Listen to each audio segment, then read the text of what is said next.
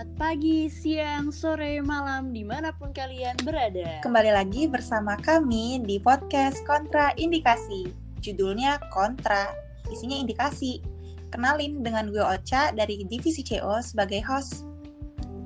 Dan gue Anggi dari Amsep yang akan menemani kalian juga saat ini. Nah, sekarang gue mau ngasih disclaimer dulu nih bahwa podcast ini pastinya sudah melalui research terlebih dahulu dan sumbernya sudah pasti valid, aktual, dan berkualitas. Wah, iya dong pastinya Gi. Namanya juga podcast kontraindikasi by CO. Semoga podcast ini nih dapat berguna juga ya buat kalian semua yang dengerin. Nah, Cak, hmm. sekarang gue mau nanya deh. Apa tuh? Ini kan lagi pagi biasanya kegiatan lu apa aja sih cah sehari-hari cah? Hmm, di masa pandemi kayak gini sih palingan ya gue tuh uh, makan teratur sama uh, nyokap gue tuh selalu nekenin gini Gi, biar gue selalu minum vitamin. Mm -mm. Oh minum vitamin cak? Mm -mm. Emang biasanya minum vitamin apa tuh? Kalau gue sih Gi, biasanya minum vitamin C Gi. Soalnya yang gue denger-dengar dari orang-orang katanya vitamin C itu bagus sih buat jaga imun kita. Oh gitu. Hmm. Oh vitamin C ya, hmm. Biasanya kalau vitamin C itu bisa kita dapetin dari buah atau sayur apa aja sih? Uh, yang gue tahu sih Gi, uh, gue sih biasanya ya uh, makan kayak buah jeruk, kiwi gitu-gitu. Sama kalau sayurnya yang gue gua biasa makan sih kayak brokoli, ya gitu-gitu deh Gi. Hmm, tapi sebenarnya vitamin yang lain itu juga bisa nggak ya cak untuk menjaga imun? Nah gitu Gi, gue sendiri tuh sebenarnya ya belum terlalu paham. Sebenarnya gue tuh juga punya beberapa pertanyaan tahu mengenai si vitamin C ini. Nah vitamin C ini tuh sebenarnya tuh sebagai pencegahan kita sebelum terkena virus atau bisa juga sebagai penanganan kita setelah terkena virus sih. Nah, gue aja nanya sama lu, Cak. Mana gue tahu. oh iya juga ya. Oke oke oke. Kayaknya nih ya pembahasan ini nih cukup menarik deh kalau misalnya kita bawa di podcast kontraindikasi. Gimana menurut lo? Nah, ide yang bagus tuh Ca. Kalau gitu, gimana kalau kita bahas lebih lanjut mengenai vitamin C dan sekaligus kita bahas hoax-hoax yang beredar dalam masyarakat nih Ca. Nah, sabi banget tuh Ki, soalnya udah banyak banget nih info-info yang beredar di masyarakat tentang uh, vitamin C yang salah ditafsirkan sama mereka. Nah, maka dari itu, Cak, kita di sini udah kedatangan seorang ahli nih yang mau bantu kita untuk jelasin mengenai vitamin C dan hoax-hoax yang beredar ini untuk jelasin aja sih sebenarnya bener nggak sih hoax apa info tentang ini tuh kayak gitu. Serius, Gi? Siapa tuh orangnya? Nah, gimana kalau kita sambut aja langsung ya kepada Dr. Stefanus Gardino. Selamat, Selamat malam, dok. Halo. Halo malam Anggi, Ocha. Iya, bagaimana kabarnya dok? baik, baik, baik. Kalian gimana kabarnya? Baik, eh, baik juga dok. Dok, aku mau tanya deh. Ini kan lagi pandemi gini, biasanya kesibukan dokter sehari-hari itu apa aja ya dok? Oke, jadi kalau aku ini kebetulan uh, bekerja di Puskesmas Cempaka Putih hmm Paling selain aku kerja sehari-hari paling ya paling di rumah aja, paling uh, masak mm. atau mungkin zoom-zooman sama temen juga. Banyak kok yang bisa dilakuin di rumah masing-masing ya. Oh, yang penting masih komunikasi dengan teman-teman ya, Dok. Bener, bener banget, bener banget. Nah, denger-dengar dokter juga dulu jadi salah satu best graduation di salah satu universitas ternama di Jakarta ya, Dok? Waduh, itu kebetulan beruntung aja Anggi. Nanti kamu juga, kamu, Ocha pasti bisa deh kalau misalnya mau belajar sungguh-sungguh. Wah kak, uh, dok boleh dong bagi-bagi tipsnya. Siapa tahu dengar juga kan ke kita. Nah betul dok. Ada nggak sih dok tipsnya menjadi best graduation?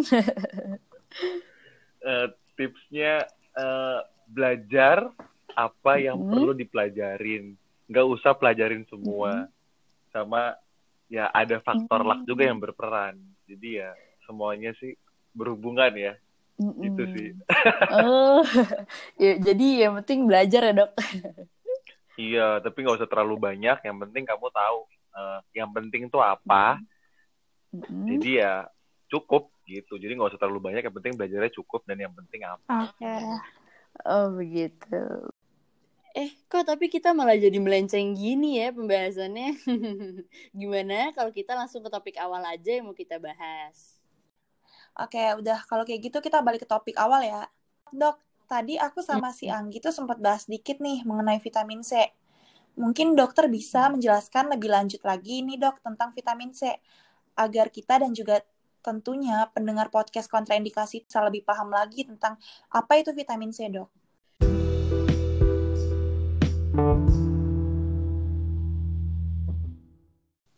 Oke, berarti uh, lagi pada ngomongin vitamin yeah, C berarti ya tentang uh, kira-kira benar dong.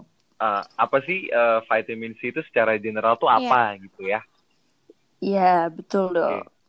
Okay. Jadi gini ya, jadi sebelum kita masuk ke apa sih uh, tadi ya manfaatnya dan lain-lain, kita harus tahu dulu nih. Jadi uh, vitamin C itu adalah uh, nutrien ya. Jadi tubuh kita itu membutuhkan uh, dua macam nutrien. Ada makro dan mikronutrien. Nah, mm-hmm. kalau makronutrien itu contohnya kayak karbohidrat, protein, lemak. Nah, mm. um, mereka ini dibutuhkan dalam jumlah yang banyak dan memiliki fungsi untuk uh, menyediakan energi untuk tubuh, untuk metabolisme, pertumbuhan, terus juga untuk sebagai uh, bensinnya mm-hmm. organ-organ kita lah supaya bisa berjalan dengan baik. Nah, yang satu lagi mm-hmm. mikro mikronutrien itu mm-hmm. dia itu memiliki fungsi untuk menjaga keseimbangan metabolisme tubuh, ya. Nah, mm-hmm. dia ini uh, dibutuhkan dalam jumlah yang sedikit, nggak terlalu banyak kayak si makronutrien, ya. Mm-hmm. Nah, uh, contoh dari si mikronutrien ini ada ada dua vitamin dan mm -hmm. mineral ya. Nah vitaminnya itu ada dua macam juga. Ada yang larut dalam lemak sama larut dalam air. Yang larut dalam lemak mm itu vitamin A D E dan K atau kita singkat biasanya vitamin AD nah satu lagi yang larut dalam air itu adalah vitamin B B kompleks bisa B1, B6, B12 dan sebagainya. Sama si vitamin C ini yang mau kita hmm. bahas pada uh, kali ini si vitamin C ini. Nah, uh, hmm. vitamin C ini uh, dia ini kan tadi sempat aku singgung hmm. dia larut dalam air. Apa sih pengertian larut yeah. dalam iya. air itu? Pengertiannya itu adalah jadi untuk me mendapatkan uh, efek vitamin C yang maksimal itu baiknya si vitamin C ini diabsorpsi uh, dalam bersama dengan air karena dia dengan air itu absorpsinya akan lebih baik dan lebih maksimal. Hmm. Nah, jadi nah ini jadi kurang lebih udah yeah. udah paham ya kayak yeah. vitamin C itu apa sih sebenarnya sebelum kita bahas lebih jauh tentang vitamin C. Jadi kita harus tahu dulu nih vitamin C itu apa sih dia itu bagian dari apa dan apa jadi kurang lebih udah cukup uh, paham ya tentang uh, background yeah. vitamin C ini apa ya nah uh. sudah cukup paham dong oke okay. sudah paham ya oke okay. yeah. nah terus um, oke okay deh tadi kita uh, uh, tadi sempat dibahas sama yeah, Ocha juga tadi ya tadi Ocha suka makan yeah. jeruk ya suka makan yeah. buah sayur. Nah uh. itu bener juga. Itu mungkin salah satu sumber dari vitamin si vitamin C itu sendiri. Nah hmm, tapi uh, apa ya sebenarnya sumber-sumber dari vitamin C itu bukan hanya buah dan sayur aja ya. Jadi uh, apalagi zaman sekarang nih ya zaman now ini Iya, uh, iya, semua itu dari makanan. Jadi misalnya mm -mm. kamu bisa dapat dari suplementasi, yeah. contoh vitamin ya, atau mungkin kamu bisa dapat dari minuman-minuman yang itu tuh yang ada oh, iya, 100 iya. mg of vitamin C yang ada. Oh, yang iya, perlu kita sebutkan merek Dan ya, dapat dapat Umar kan. Yes. Iya. Betul. Oh, nah, iya ada dong. juga ada juga yang uh, diinjeksi lewat pembuluh darah. Hmm. Jadi macam-macam sediaannya, nggak nggak hanya dari makanan aja, suplementasi bisa, minuman bisa, dan iya, injeksi iya. pun bisa. Nah, ini hmm, paling aku cuma mau nambahin dikit soal uh, sumber-sumbernya tadi mungkin kan Ocha tadi sebutnya hmm. hanya jeruk aja sama iya brokoli deh kalau nggak salah ya.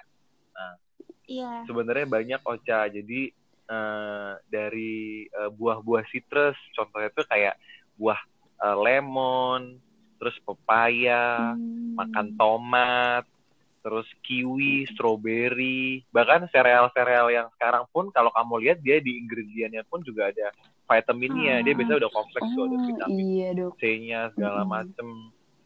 Nah itu sebenarnya juga kayak yeah. kan vitamin C.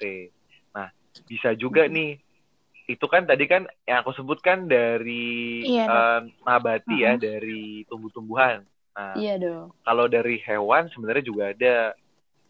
Contohnya tuh hmm. uh, hati. Hmm. hatinya hewan. Uh, jeroan uh, ya. Kamu tahu dong, jeroan kan? Sebenarnya iya dong. eh, hatinya hewan. tahu dong. Hatinya hewan tuh uh, dia juga mengandung uh, vitamin C gitu. Nah. Hmm. oke okay, hmm, nah terus uh, tadi aku udah ngejelasin soal apa tadi ya hmm. sumbernya udah ya. Terus sediaannya tadi udah apa aja macam-macamnya. Nah terus dosisnya ya kan? Pasti kamu juga masa saya harus makan sebanyak apa nih uh, dok? Uh, untuk uh, mencukupi kebutuhan vitamin iya. C saya iya, sehari-hari bener ya banget. Kan? iya dok. Betul dok. Uh, itu jumlahnya sebenarnya bervariasi ya tergantung sesuai dengan usia kamu. Ini kalian pada usia berapa ya gimana, ya? dok? Aku, aku masih, masih tahun, 10 tahun dok. Aduh. Masih di bawah umur. ya, berarti aku masih 12 tahun ya. Iya. nah, jadi kalau berdasarkan klasifikasi umur-umurnya nih, ini tergantung ya. Misalnya kamu, aku ambil contoh deh, uh, anak sekitar umur uh, setahun sama anak umur 14 tahun tuh beda kalau anak oh, umur setahun gitu tuh mungkin cuma butuh sekitar hmm. 15 mg. Terus kalau anak umur 14 tahun sekitar 75 mg.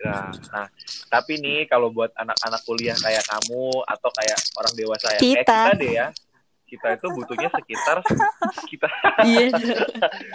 biar biar ke bawah iya, muda iya, juga iya, gitu. Iya, oh iya, Gue aja. biar ikut dulu deh dok bener iya. nah itu kira-kira tuh kita butuh sekitar uh -huh. 90 miligram nah oh, baik dok nah sebenarnya kalau untuk kita hitung pastinya sih nggak nggak nggak bisa pasti ya misalnya harus makan berapa banyak berapa banyaknya mm -hmm. tapi intinya Uh, kamu misalnya konsumsi daily intake, kamu ada makan uh, jeruk sekali atau mungkin tadi ada ada serealnya, ada makan brokoli segala macam, itu pasti akan terpenuhi intake yang dibutuhkan vitamin C tiap harinya gitu. Oh, nah, cuman gitu dong. Bener. Cuman mm. kadang-kadang kan ada tuh yang kayak, aduh sibuk nih, gue nggak sempet makan segala macam, ya akhirnya mereka suplementasi, minum yeah. vitamin. Apalagi Atau untuk yang... gen milenial yeah, yang benar. suka males makan bener. itu ya dok. Uh. Males makan ya, apalagi kamu kan cewek-cewek biasanya suka diet diet kan, gak ter... kayaknya nggak buat aku deh dok. Buat aku juga enggak deh dok. Iya. Oh buat juga enggak ya. Iya. Nah biasanya kayak gitu. Oh, Tapi ada iya, kondisi-kondisi tertentu di mana uh, kita butuh jumlah vitamin C yang lebih tinggi ya. Uh, nanti deh akan aku lebih bahas lagi pas di kurang lebih di manfaatnya si vitamin Oke, okay, baik dok. Okay. Oh, baik dok. Jadi uh, untuk sumbernya tadi itu biasanya banyak pada buah-buah yang hmm. berserat gitu ya dok? Betul, uh, buah-buah citrus kayak misalnya tadi yang ada jeruk, ada iya. lemon gitu ya. Strawberry, lemon, nah kayak gitu-gitu. Oh ya, baik dok. Seperti itu. Oke, okay. nah terus kita udah tahu nih tadi sumbernya ya kan, terus uh, mm -hmm. dosisnya hari-hari harus berapa, sediaannya apa aja. Nah, sebelum iya, aku bahas lebih lanjut tentang manfaatnya si vitamin C ini, aku akan sedikit bahas tentang kira-kira kalau kita kekurangan vitamin C nih Nah, penyebabnya iya apa dong. sih? Kalau kita Nah, kelebihan Bener banget. penyebabnya apa sih? Ya kan? Tadi sebenarnya aku mau nanya Nah, itu juga sih. banget Dok. dok. Iya, pas Oh, banget. Oke, jadi pas ya, jadi pas. Jadi gini nih, kalau misalnya kita kekurangan vitamin C, ada suatu penyakit yang dikenal dengan penyakit scurvy atau scurvy disease. Dia itu biasanya tuh gejalanya adalah eh, gusi-gusinya itu bengkak, terus gampang berdarah, terus giginya eh, gampang lepas, terus jadi gampang lemes, eh, tangan pada Hmm. sakit-sakit segala macam. Nah, bisa juga selain kamu kena scurvy, kamu kena anemia. Kenapa kena anemia? Karena vitamin C itu bantu untuk intake zat besi eh, Mm-mm. di darah. Jadi kalau kamu kurang vitamin C, otomatis kan nggak ada yang eh, bantu Mm-mm. transport si zat besi itu kan. Nah itu bisa Iya bikin dong. anemia. Bisa juga Hmm. kamu nanti kalau ada luka sembuhnya jadi lama atau Mm-mm. sembuhnya jadi jelek, nah itu juga bisa. Nah, Oh, kalau- dok. kita kelebihan vitamin C ya sebenarnya nggak ada sih jarang banget kasus yang sifatnya itu overdosis vitamin C tuh nggak ada ya Iya, overdosis itu lebih kayak obat-obatan Iya, iya. terlarang dan segala macam Iya karena karena mekanisme tubuh kita kita kan menyerap vitamin C itu Mm-mm. di usus halus ya di small intestine Mm-mm. kalau kelebihan dari yang aku bilang tadi, misalnya kita kan 90 mg kita butuhnya, dia akan dibuang sama ginjal gitu. Jadi sebenarnya nggak Oh. bakal nggak bakal akan terserap banyak banget gitu. Dia pasti akan akan terbuang. Tapi Mm. eh, di beberapa individu kalau kita kelebihan vitamin C, karena tadi aku bilang kan dia kan di absorpsinya kan di usus. Nah, paling Iya kalau dong. kamu kelebihan, kamu bisa sakit misalnya mahnya sakit lah, atau mungkin kamu sering-sering Iya. ke belakang lah gitu kan karena Oh, dia asam iya. kan Karena- Iya baik Gitu. dong. Oh, atau jadi- mungkin yang yang agak lebih ekstrimnya dia bisa membentuk batu batunya ntar yang eh, di ginjal Mm-mm. kalau terlalu tinggi banget ya kalau kamu kayak mungkin Mm-mm. hobinya bukan bukan nyemilin eh, bukan nyemilin kerupuk bukan nyemilin ciki-ciki kamu nyemilin vitamin C ya mungkin bisa lah ya Jarang, jarang banget. jarang Iya. Jarang jarang, jarang dong. banget ya jadi Mm-mm. jadi jadi itu eh, jarang banget kejadian itu sih paling tadi kurang lebih soal eh, kalau kita kekurangan dan eh, kelebihan intake dari vitamin C Mm-mm. Ya. Baik, Dok. Hmm, baik oke dok. nah Mm-mm.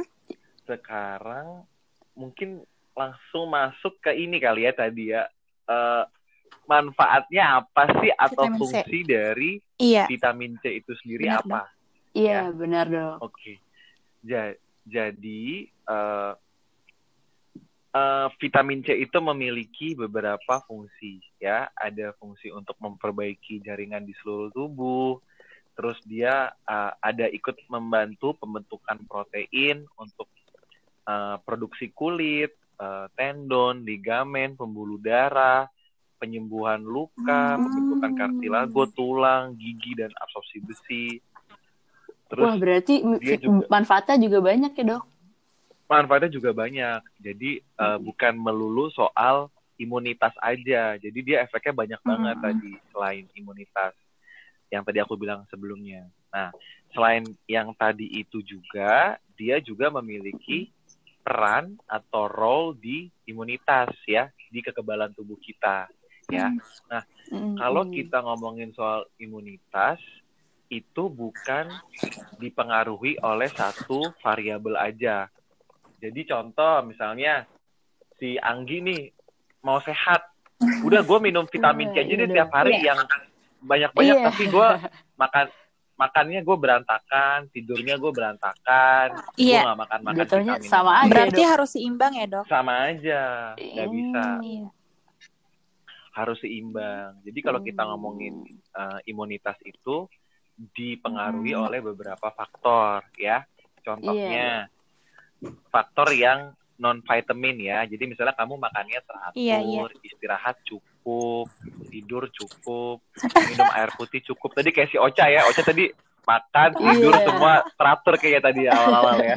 Selain dari selain dari itu, kamu tadi kan tadi kan dari dari habit berarti ya makan, Iya, tidur cukup, minum air putih. Di kebiasaannya ya, dok. Untuk dari kebiasaan. Nah, kalau kita ngomongin imunitas itu Mm-mm. tidak hanya vitamin C yang berperan.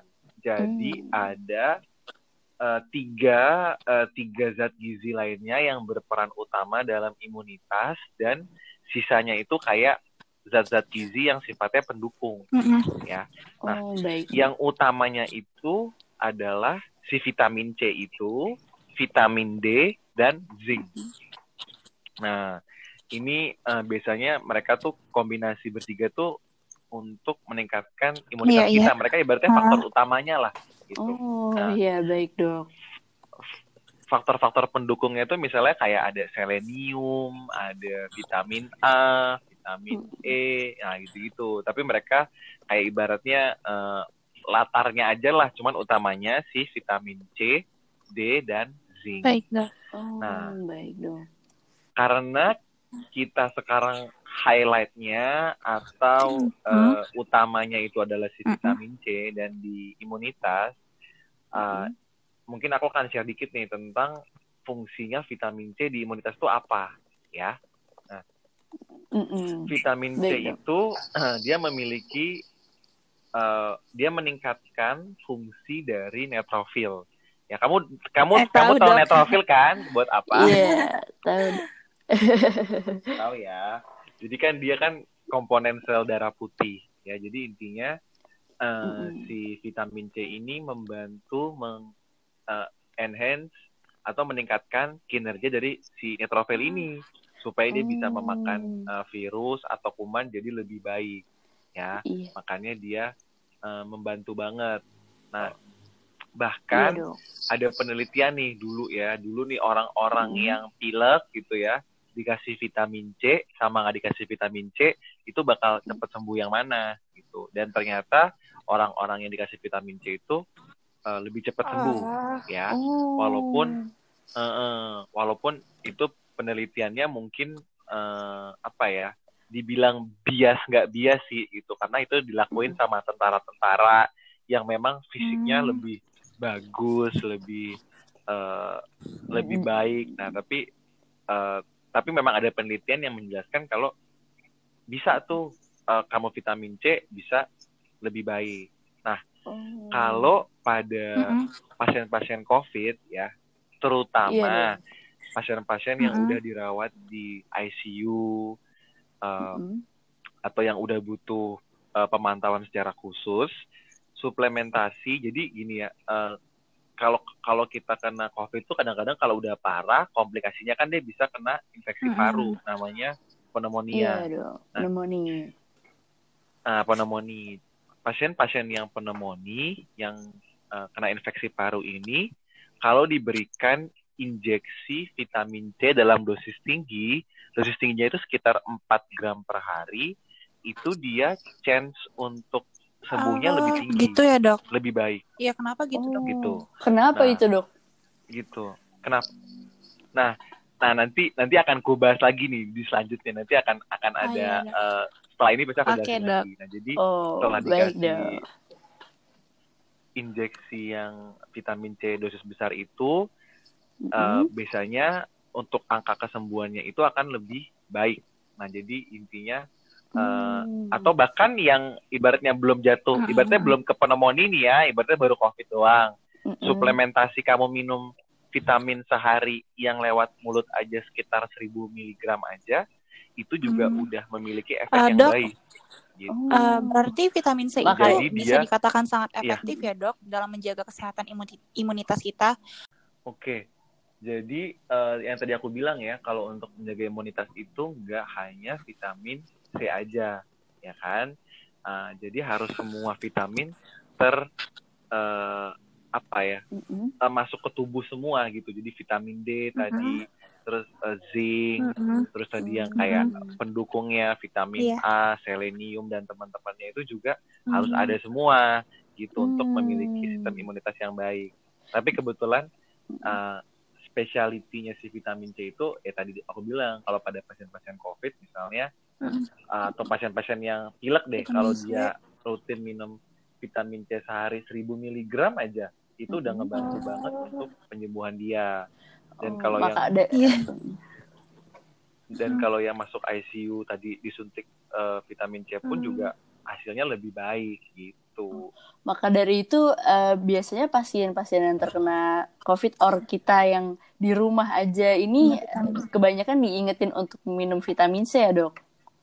Betul betul. Kadang-kadang kan ada vitamin C-nya, terus kadang-kadang juga uh, disuruh itu tuh dikasih suplementasi hmm. zinc atau disuruh beli yeah. vitamin D sendiri karena memang hmm. mereka yang aku bilang tadi pilar-pilar utamanya untuk uh, oh. imunitas itu sendiri gitu. Hmm. Dan biasanya untuk vitamin D itu makanya kita disuruh sering berjemur ya dok. Itu benar nggak sih dok nah, vitamin D dari betul. berjemur? sebenarnya mm -hmm. uh, jemurnya itu fungsinya adalah untuk membantu absorpsi hmm. vitamin D-nya. Oh. Sama kayak tadi, uh, kayak misalnya uh, untuk absorpsi zat besi kan kita -hmm. harus intake vitamin Benar, C, ya kan? Mm, betul dong. Nah, jadi kurang lebih sama lah fungsinya gitu kayak uh, vitamin D itu selain selain kita untuk imunitas, dia itu jadi bisa menyerap um, membantu absorpsi penyerapan kalsium. Nah, caranya gimana? Ya kita harus sering berjemur hmm. gitu. Ibaratnya berjemur oh. itu membantu untuk penyerapan vitamin D itu. Iya. Jadi bukan dari sinarnya ya, datang vitamin D gitu ya, Dok? bukan, Tapi itu yang bukan, membantu bukan. absorpsi. Bener, vitamin D itu untuk membantu uh, apa uh, absorpsi dari uh, vitamin D-nya. Terima kasih gitu. dok. Hmm, baik dok. Nah, ya, ya boleh. Nah, aku lanjutin dulu ya. ya tadi ya, kan, tadi tadi pada pada tanya kan, kok uh, apa? Uh, pada tanya, kok bisa sih uh, dia efektif melawan Iya, benar tadi banget itu ya infeksi dan segala macamnya. Iya, nah, betul dok. Jadi, jadi kamu udah pernah dengar belum vita, uh, tentang uh, pernah, dok. antioksidan? Iya, pernah dengar, Dok. Nah, oke. Okay. Jadi vitamin C ini memiliki kadar antioksidan yeah. yang tinggi, ya. Mm. Di mana kalau misalnya orang-orang yang sakit mm kena tadi ya, kena sakit pilek kayak infeksi segala macam, kalau misalnya dia ada terjadi infeksi ya, jadi kalau infeksi itu nanti pasti uh, infeksinya itu menyebabkan terjadinya peradangan ya. Yeah. peradangan yeah, di sel-sel tubuh kita peradangannya itu uh, bikin sel-sel kita pada rusak ya. Mm. nah si vitamin C ini kan yeah. dia efek antioksidannya tinggi nah efek mm. antioksidan yang tinggi ini itu membantu uh, apa ngomong ya dia membantu me mengurangi si uh, mm. oksidasi stresnya ini sehingga proses peradangannya itu hmm. jadi berkurang atau berhenti. Oh, Makanya jadi... kalau ada infeksi oh. ada apa dia ngebantu gitu. Oh, jadi vitamin C ini yeah. yang ngebantu untuk meredakan inflamasinya itu ya, Dok?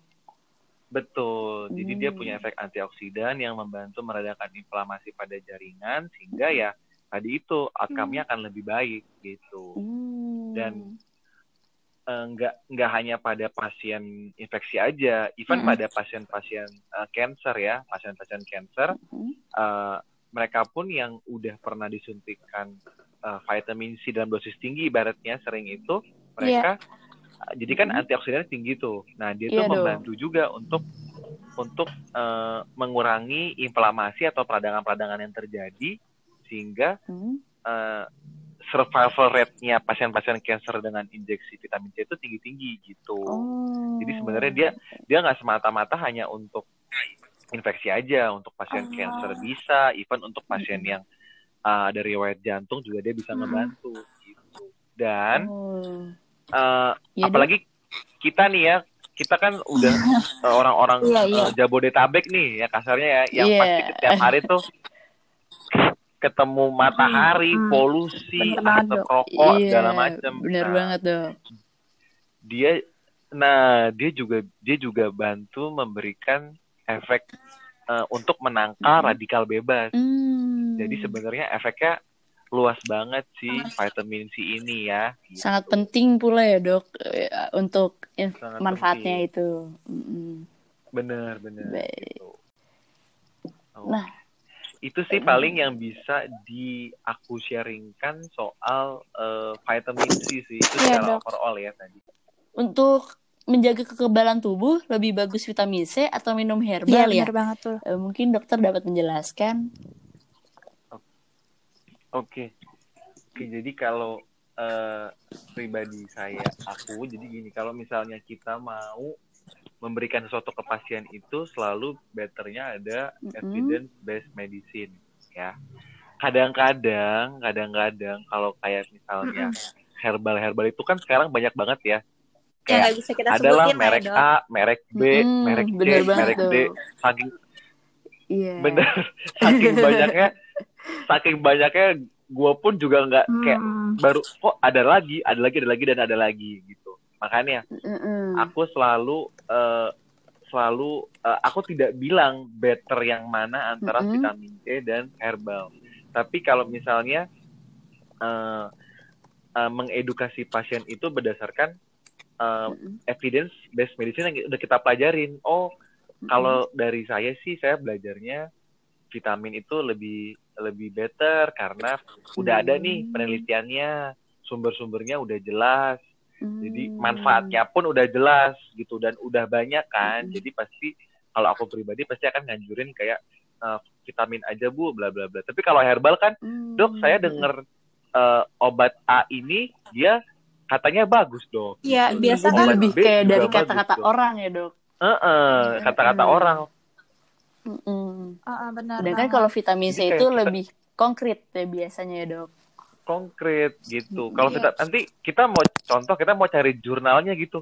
Cari jurnalnya Mm-mm. apa nih contoh misalnya obat A kan eh, jurnalnya paling bah- bisa a- ada pun Mm-mm. cuma sedikit atau bahkan nggak ada sama sekali. Sementara kalau kita cari Iya. vitamin C itu dia Hmm, udah benar banget, banyak Dok. banget jurnal-jurnal pendukung dan Hmm. lain-lain gitu. Jadi betternya kita kita kasih yang ibaratnya udah jelas manfaatnya, buktinya semua. Jadi kita nggak eh, misdirect si pasien atau kita nggak salah Hmm. edukasi ke pasien.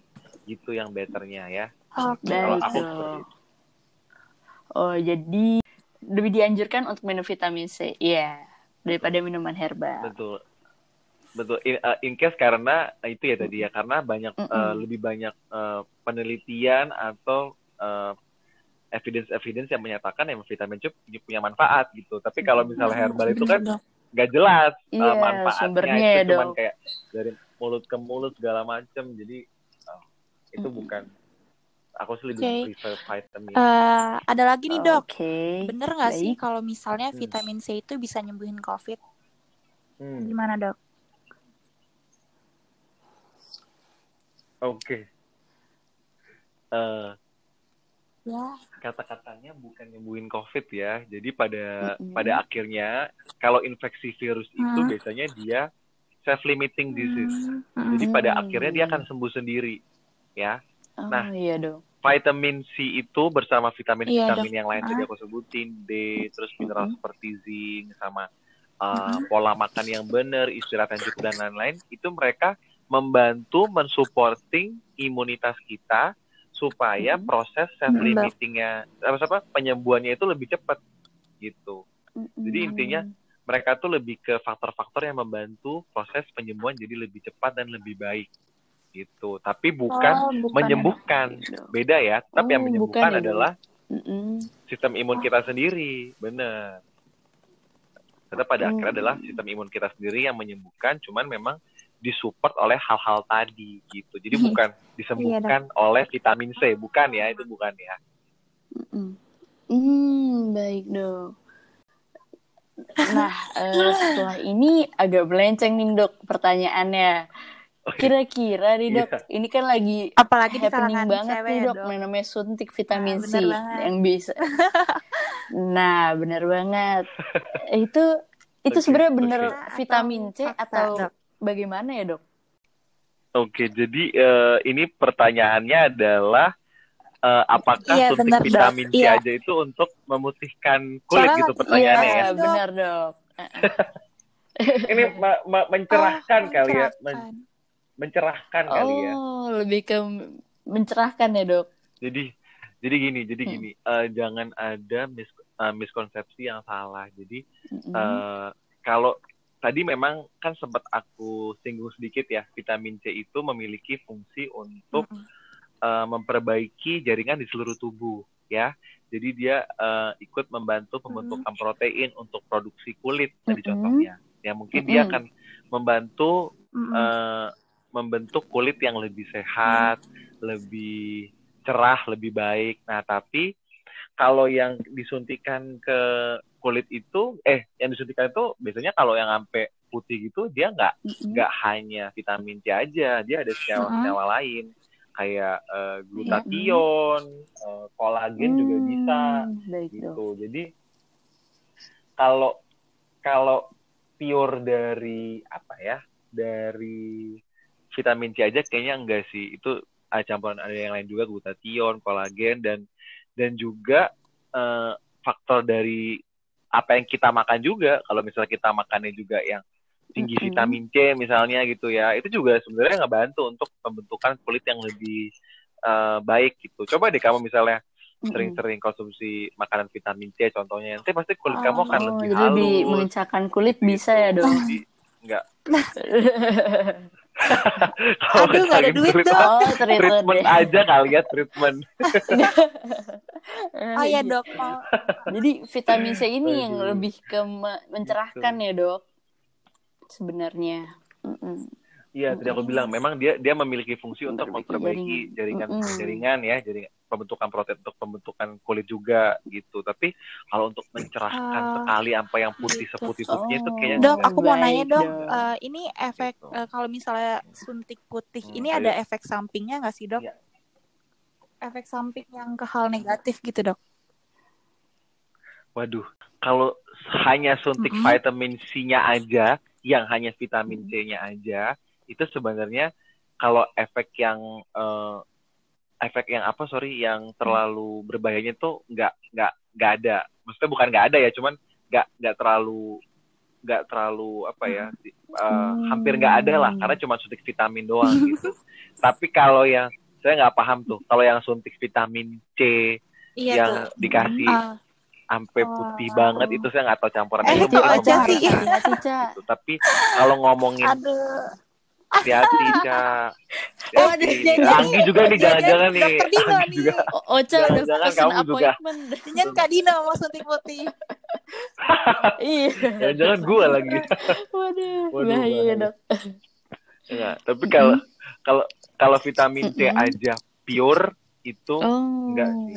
Enggak enggak enggak terlalu Iya. ini. Tapi kalau kalau saya nggak tahu ada campuran apa tuh yang Iya, putih banget Dok. ya, itu aku nggak paham. Nah, itu Hmm. Mungkin dosisnya segala macam saya nggak terlalu paham Hmm. apa isinya. Nah, itu mungkin membahayakan. Berarti lebih hati-hati lagi ya, Dok, untuk ka- Ah. kalau misalkan ditawarin untuk suntik Hati-hati vitamin lagi. gitu. Iya. Bener. Mm-mm. Kamu harus kritis, Hmm. tanya dulu ini apa isinya ya. Ini apa ya? Kamu jangan nanti bilang udah pokoknya disuntik besok putih. Terus itu, Ah, iya, oh iya iya benar iya iya udah. Kamu nggak Oh, mikirin. ya. Iya benar dok, berarti harus Gitu. dipikirkan Nih juga buat yang efeknya dok. nih, harus dengar. Mm-mm, Buat yang Benar. pendengar harus Iya. diingat ya. Hati-hati buat suntik untuk putih. suntik Eh, vitamin C. Iya. dah. Iya. Nah, ada lagi nih dok pertanyaan. Iya. Tapi agak ngaco juga. Ya. Ya gini, gini pertanyaannya. Katanya Waduh, vitamin C itu bisa Uh. buat kematian ya dok. Gimana nih? Oke. Jadi nah, lagi-lagi kalau Hmm. berita Jangan itu ketawain, Dok. Disaring, dulu. Iya karena Iya, biasanya kan dari grup WhatsApp gitu Oh, iya. WhatsApp kita, gitu kan. Terus Iya. bisa ke kita kan? Nah, Ah, Heeh. Emak-emak ya. Nah, Mm-mm. biasanya.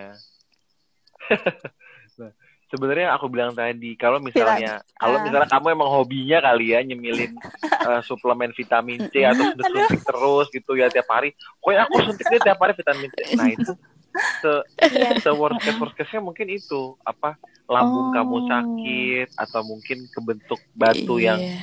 uh, batu yang apa terbentuk endapan Mm-mm. batu ginjal misalnya gitu. Tapi kalau sampai lethal dose untuk membunuh orang sih Oh. kayaknya nggak ada ya. Kayak Jarang ya dok. Nggak ada orang kayak oke saya mau saya mau mencelakakan kamu saya suntik kamu vitamin C dosis Justru tinggi." menyembuhkan Kayaknya ya nggak dok. ada. Itu kayaknya nggak ada. iya. Malah menyembuhkan. makasih, makasih Suti gitu kan. Iya. Hmm, Berarti itu berarti hoax. itu ya dok. Nah, eh, jadi jadi Iya. itu hoax ya, Oh, itu baik. hoax. Betul dicampur-campur kali itu vitamin. C-nya sama Oh, racun iya. tikus. Nah, mungkin orangnya bisa Bisa juga dok. kali. coba Iya. iya bisa gitu. Waduh. Waduh jangan jangan aduh maaf maaf maaf, maaf. waduh jangan Bahaya banget nih Ocha. waduh baca bahaya memang. Baik. Nah dok, ini pertanyaan yang terakhir dok yang pengen saya tanyain juga dok, tapi mungkin sebenarnya agak agak konyol juga nih apa ya? iya. Kira-kira kalau makan Hmm. udang dengan vitamin? C itu bisa membuat kematian juga nggak sih dok? Lagi-lagi Lagi-lagi. pertanyaannya dok.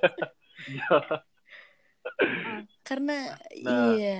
kadang-kadang itu tuh kadang-kadang kan nggak nggak ini ya nggak terlalu jelas soal kayak eh apa eh, campur ini campur itu bisa nggak sih Nah. nyebabin segala macam nah iya itu benar dok sebenarnya butuh penelitian lebih lanjut tapi Mm-mm. harusnya nggak ada nggak ada hubungannya sama sekali sih kamu mau makan udang sambil kamu berarti makan, hoax ya dok eh, vitamin C Oh, gitu kayak nggak ada hubungan sama sekali Berarti itu cuman hoax yang ada di berita-berita aja dok. lagi-lagi ya Hmm. betul iya ya, kita Iya. nggak tahu mungkin apa eh, siapa Hmm. tahu dia memang yang makan itu emang ada alergi udang Oh, dan alerginya parah bisa banget juga deh, gitu kan Mm-mm. Nah, jadi dia misalnya shock Mm-mm. anafilaktik dia sesek segala macam kita kan nggak tahu nggak paham alur ceritanya gimana mungkin cuma dengar dari eh, keluarganya iya dia ada minum vitamin C Mm. sih gitu nah itu kan nggak Iya, nggak ini valid ya dok. nggak nggak jelas siapa tahu tadi Dari riwayat. Hmm. nggak valid ada ini memang ada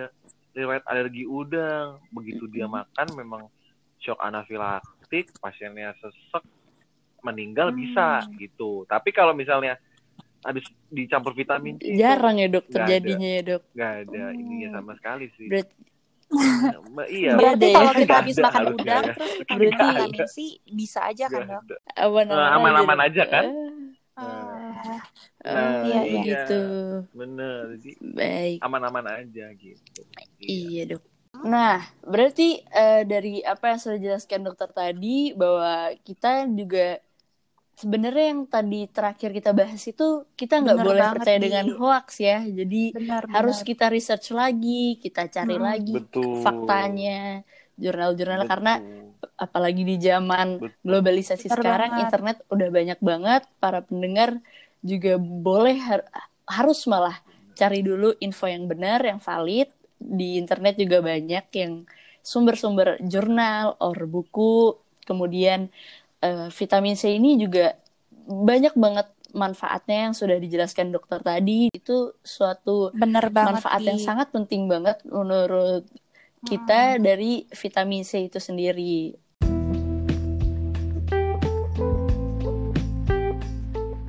Berhubung kita sudah sampai di akhir podcast, untuk dokter kira-kira ada nggak dok kesan dan pesan untuk pendengar kita? Oke, kesan pesannya yang yang paling penting adalah cari Iya, informasi yang baik, valid. Dok. Gitu. Dan Benar. juga jaga kesehatan ya Eh, dok. kesannya ya semoga betul Iya. jaga kesehatan ya karena kesehatan itu ap- kita sadar Benar. kesehatan Mm. itu berharga ketika Iya, kita benar, sakit. Dok.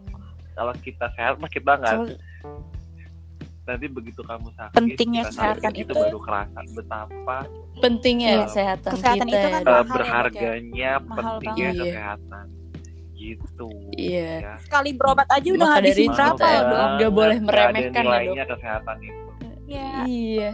Maka dari itu benar Betul. kita banget harus bisa betul. menjaga diri kita Benar apalagi banget. di pandemi ini ya dok stay at home betul ya jaga jaga Mm-mm. mental kita Bener kesehatan banget. fisik Iya. kesehatan mental juga kita harus jaga. Iya, stay Baik, Ya. eh, nah udah jelas dan juga Baik. lengkap banget nih penjelasan dari Dokter Stefanus atau Dokter Dino. Nah, semoga pembahasan kita pada kali ini tuh dapat bermanfaat ya bagi kita semua. Iya dong, kita juga berterima kasih banget kepada Dr. Stefanus yang sudah bersedia meluangkan waktunya untuk jadi narasumber pada podcast kontraindikasi Makasih kali banyak ini. ya, Dok. Terima kasih banyak dok. Dan juga Iya Kak, eh Dok, Sama-sama, makasih juga kepada pendengar-pendengar semuanya. Dan jangan lupa buat selalu dengerin dan juga follow podcast Kontraindikasi di Spotify.